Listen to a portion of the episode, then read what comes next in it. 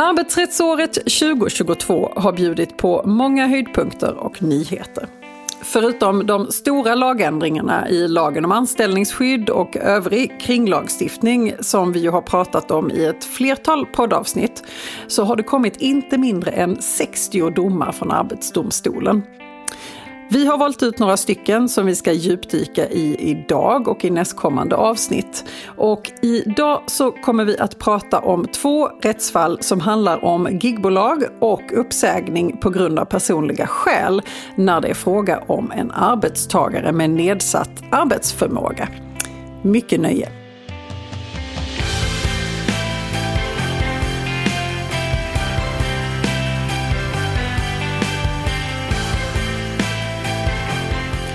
Hej och välkommen till Arbetsrättspodden. Podden för dig som verkar inom HR eller hanterar personalfrågor i din vardag. Jag heter Emelie Svensäter Jerntorp och arbetar som advokat inom arbetsrätt här på Vinge. Och med mig idag har jag min kollega Tove Hallbäck som också arbetar med arbetsrätt här på vårt Skånekontor. Hej Tove! Hej Emelie! Så roligt att få prata med dig om det här idag. Vi hade ju ett seminarium för inte så länge sedan om vad som hände arbetsrättsåret 2022 och då lyfte du upp eh, de här två rättsfallen som vi ska prata om idag. Eh, vad var det för rättsfall? Jo, men det första var ju AD22 nummer 45 som handlar om eh, gigbolagens status som arbets eller uppdragsgivare. Och varför ska vi prata om det tycker du?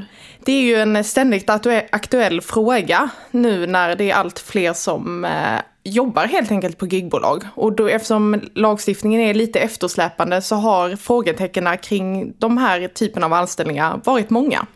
Absolut. Nej, det, var, det var ett spännande rättsfall att läsa om, så det ska bli kul att prata om det. Och sen har du valt ut ett till. Precis, och det är AD 2022 nummer 34. Och vad handlar det om? Det handlar om att säga upp eh, personer som har en funktionsnedsättning av något slag. Och de situationerna är ju alltid svåra att hantera. Ja, både för arbetsgivaren och arbetstagaren förstås. Och jag nämnde ju kort här inledningsvis att det har kommit 60 domar från AD. Det är något av en nedåtgående trend. Vi har haft färre och färre domar de senaste åren. Precis, så är det ju. Men nu hoppas ju vi med nya LAS att det kommer att bli en explosion av domar så att vi får lite praxis på området. Ja, och så får vi lite att göra och läsa rättsfall här. Spännande! Men vad säger du, vi, eh, vi kan väl kasta oss in i gigbolagens värld. Eh, AD 2022 nummer 45. Vad, vad, vad handlar nu detta rättsfallet om? Jo, men det är ju ett väldigt uppmärksammat fall. Och det handlar helt enkelt om en person som varit anställd av ett gigbolag som ett cykelbud. Och efter ett tag så ville han byta från att cykla till att köra moped istället. Och det här var gigbolaget helt okej okay med, men de sa då att eh, att då fick han ingå ett anställningsavtal med ett annat bolag som då sen skulle hyra ut honom till det första gigbolaget. Så det var helt enkelt ett eh, löneadministrationsföretag då som han skulle vara anställd hos istället? Precis. Eh, och när han ingick det här anställningsavtalet så pratade han inte med någon från det här löneadministrationsföretaget. Utan all kontakt skedde via mail egentligen. Och det var det här ursprungliga gigbolaget som hänvisade honom dit, helt enkelt. Hur var det för arbetstagaren? Förändrades eh, hans arbetsuppgifter eller situation egentligen, någonting i samband med detta? Ändrades villkoren någonting? Nej, lönen var ungefär densamma. Han hade samma typ av arbetskläder och det var ju gigbolagets arbetskläder han hade. Och under passen, när han körde moped, så eh, var det under gigbolagets ledning. Eh, och han hade under arbetspassen även tillgång till deras lokaler. Okej, okay, så det fortsatte i princip oförändrat? Ja, exakt. Men vad var egentligen anledningen till att man hänvisade honom till det här löneadministrationsföretaget?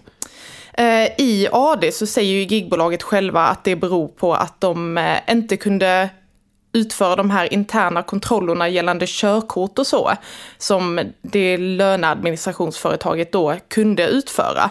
Så då ingick, ingick man helt enkelt ett serviceavtal med löneadministrationsbolaget där man sa att om ni anställer så hyr vi sedan arbetskraften från er.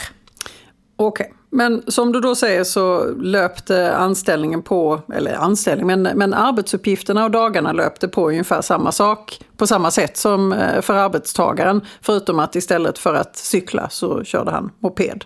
Ja, precis. Fram tills en dag då. Ja, vad hände då? Ja, då upptäckte han att han var avstängd från det här gigbolagets app, där han fick sina liksom körningsuppdrag. Eh, och han hörde då av sig till gigbolaget och frågade vad det var som hade hänt.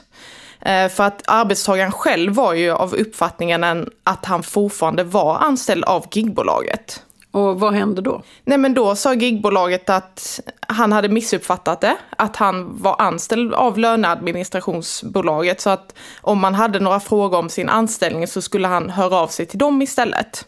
Aha, och eh, vad sa de då? då? Nej, de sa att de var hans arbetsgivare. Eh, men arbetstagaren godtog inte detta utan menade då att gigbolaget felaktigt hade avskedat honom. Eh, eftersom då de hade stängt av honom från appen vilket gjorde att han inte fick några fler arbetsuppgifter helt enkelt. Så resultatet blev helt enkelt att eh, han väckte talan i, slutligen hamnade i alla fall i Arbetsdomstolen. Precis. Och vad sa Arbetsdomstolen om detta då? Jo, men Arbetsdomstolen tittar ju då framförallt på eh, det här serviceavtalet som förelåg mellan gigbolaget och löneadministrationsföretaget. Eh, och då kunde de konstatera att även om det här löneadministrationsföretaget var registrerat som ett löneadministrationsföretag så var det i lagens mening ett bemanningsföretag. Och vad betyder då det? Det betyder att uthyrningslagen är tillämplig av det följer att det är bemanningsföretaget som har arbetsgivaransvaret för den här anställda. Och sen så gick man även vidare till att titta på vem det då var som hade anställt arbetstagaren. Och då sa man att eftersom det förelåg ett anställningsavtal mellan arbetstagaren och löneadministrationsföretaget så var det de som var att betrakta som arbetsgivaren. Och då kunde ju inte gigbolaget avskeda honom när, inte, när de inte hade anställt honom. Så i det här fallet så eh, arbetstagaren fick inte gehör för sin uppfattning här utan eh, man konstaterade att eh, det var löneadministrationsföretaget som faktiskt var arbetsgivaren i praktiken också. Ja, precis. Och det kan man väl säga att här, man pratar ju mycket i många sådana här arbetsrättsliga situationer om hur, att det är väldigt viktigt hur en arbetstagare uppfattar situationen. Men här är man då egentligen ganska sträng från Arbetsdomstolens sida. Precis, så är det. Man beaktar ju inte alls de faktiska omständigheterna utan man tittar ju bara på avtalskonstruktionen helt enkelt och sa att, att här fanns två avtal, dels ett serviceavtal men också anställningsavtalet och att arbetstagaren var av en annan uppfattning spelade ingen roll. Så eh, om vi ska dra någon form av slutsats av detta, vad, vad, kan vi, vad kan vi dra för lärdomar av det här? Nej men det är ju just det här att avtalen är det centrala och att man som arbetstagare får vara noga med att se vem man ingår avtal med. Jättebra. Eh, spännande och det kommer vara väldigt spännande att se hur, hur det här utvecklar sig framöver också. Ifall det kommer bli en mer nyanserad eh, bedömning framåt eller inte. Men det här andra rättsfallet då, eh, då har vi AD 2022 nummer 34. Eh, det handlar om uppsägning på grund av personliga skäl. Alltid ett spännande ämne att prata om. Ehm, kan du berätta lite, vad, vad, vad var omständigheterna här? Jo, men det handlar om en person som eh, varit anställd hos Polismyndigheten på den så kallade bedrä bedrägerisektionen som administratör. Och den här arbetstagaren hade under en längre period varit sjuk i MS eh, och hon sades upp till följd av att arbetsgivaren efter ett tag inte längre ansåg att hon kunde utföra något arbete av betydelse för arbetsgivaren. Men arbetstagaren menade å sin sida att hon genom uppsägningen hade blivit diskriminerad och att det därför inte fanns någon saklig grund för uppsägningen. Okej, okay. Ehm, så på vilket sätt menade hon att hon hade blivit diskriminerad i den här situationen? Nej, men hon påstod egentligen två olika saker. Ehm, för det första så sa hon att hon hade blivit utsatt för direkt diskriminering. Och i andra hand så sa hon att hon hade blivit diskriminerad genom bristande tillgänglighet. Och kan du bara kort, vad, vad är det här för olika diskrimineringsgrunder?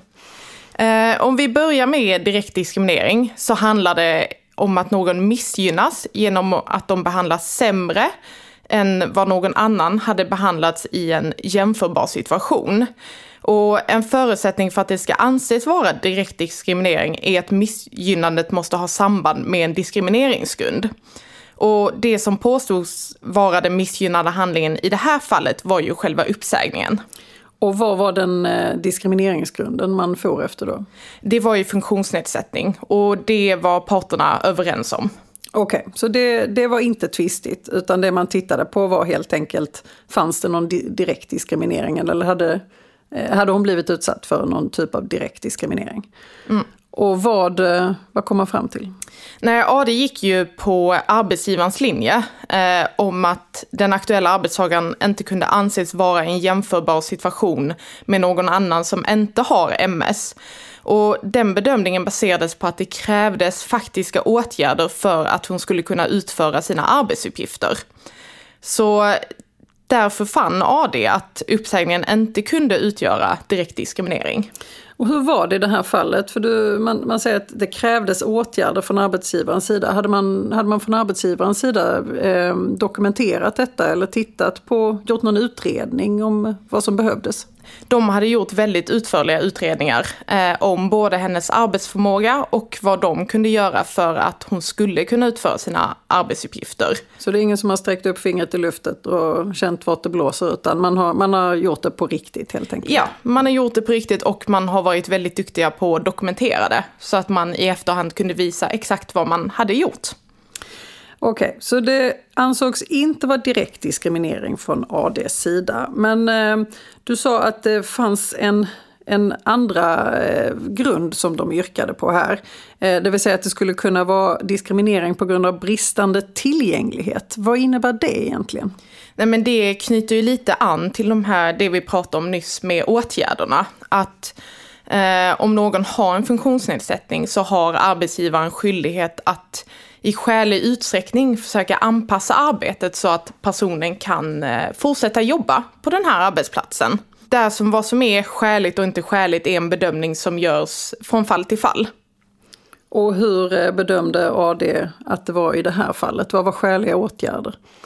I det här fallet så konstaterade man att arbetsgivaren redan hade vidtagit ett flertal åtgärder för arbetstagaren för att hon skulle kunna fortsätta sin tjänst på bedrägerisektionen. Och det handlade om att de bland annat hade omfördelat arbetsuppgifter, de hade anpassat arbetsmiljön och de hade även tillfälligt omplacerat arbetstagaren till en annan avdelning med en annan typ av arbetsuppgifter för att man tänkte att det skulle passa henne bättre. Och hur lång tid hade man gjort det här då? Det var under några månaders tid. Okej. Okay. Och eh, under, eh, alltså ifall man tittar på hela den här bedömningen, eh, har det varit, var det fortfarande några månader eller? Nej, då syftar jag på själva omplaceringen. Åtgärderna sammantaget skedde under en period om två år. Okej, okay, så det är ju egentligen inte en särskilt kort tid utan man har, man har arbetat med detta ganska länge egentligen. Ja, Precis. Ja, nu kommer ju en ledande fråga här, men jag tycker det är så viktigt ändå. Eh, hade man dokumenterat det här på något sätt? Man hade varit väldigt flitig med dokumentationen. Och det är väl också det som AD trycker på just i det här fallet, att de hade gjort väldigt utförliga utredningar om vilken typ av arbetsförmåga som den här arbetstagaren hade. Och man hade även dokumenterat varenda åtgärd man hade vidtagit. Så att arbetsgivaren kunde ju på så sätt visa att vi har gjort vad vi kan.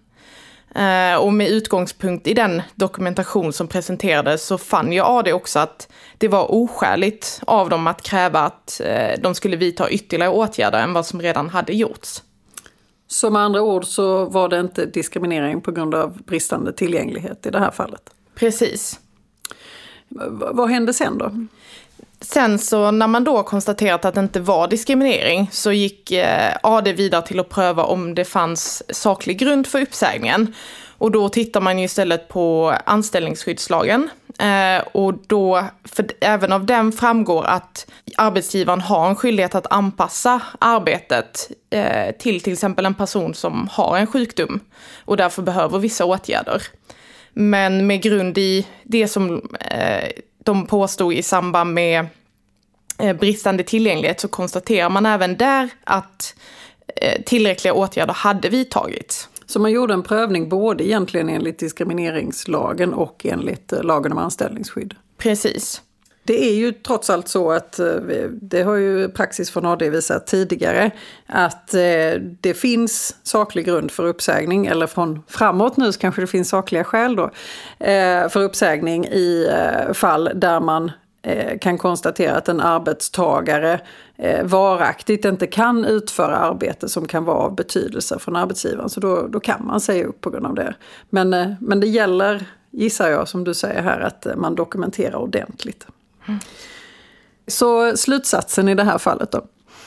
Jo, men det här målet visar ju på vikten av att en arbetsgivare genomför en noggrann utredning av arbetstagarens arbetsförmåga och att arbetsgivaren även vidtar skäliga åtgärder för att anpassa det aktuella arbetet.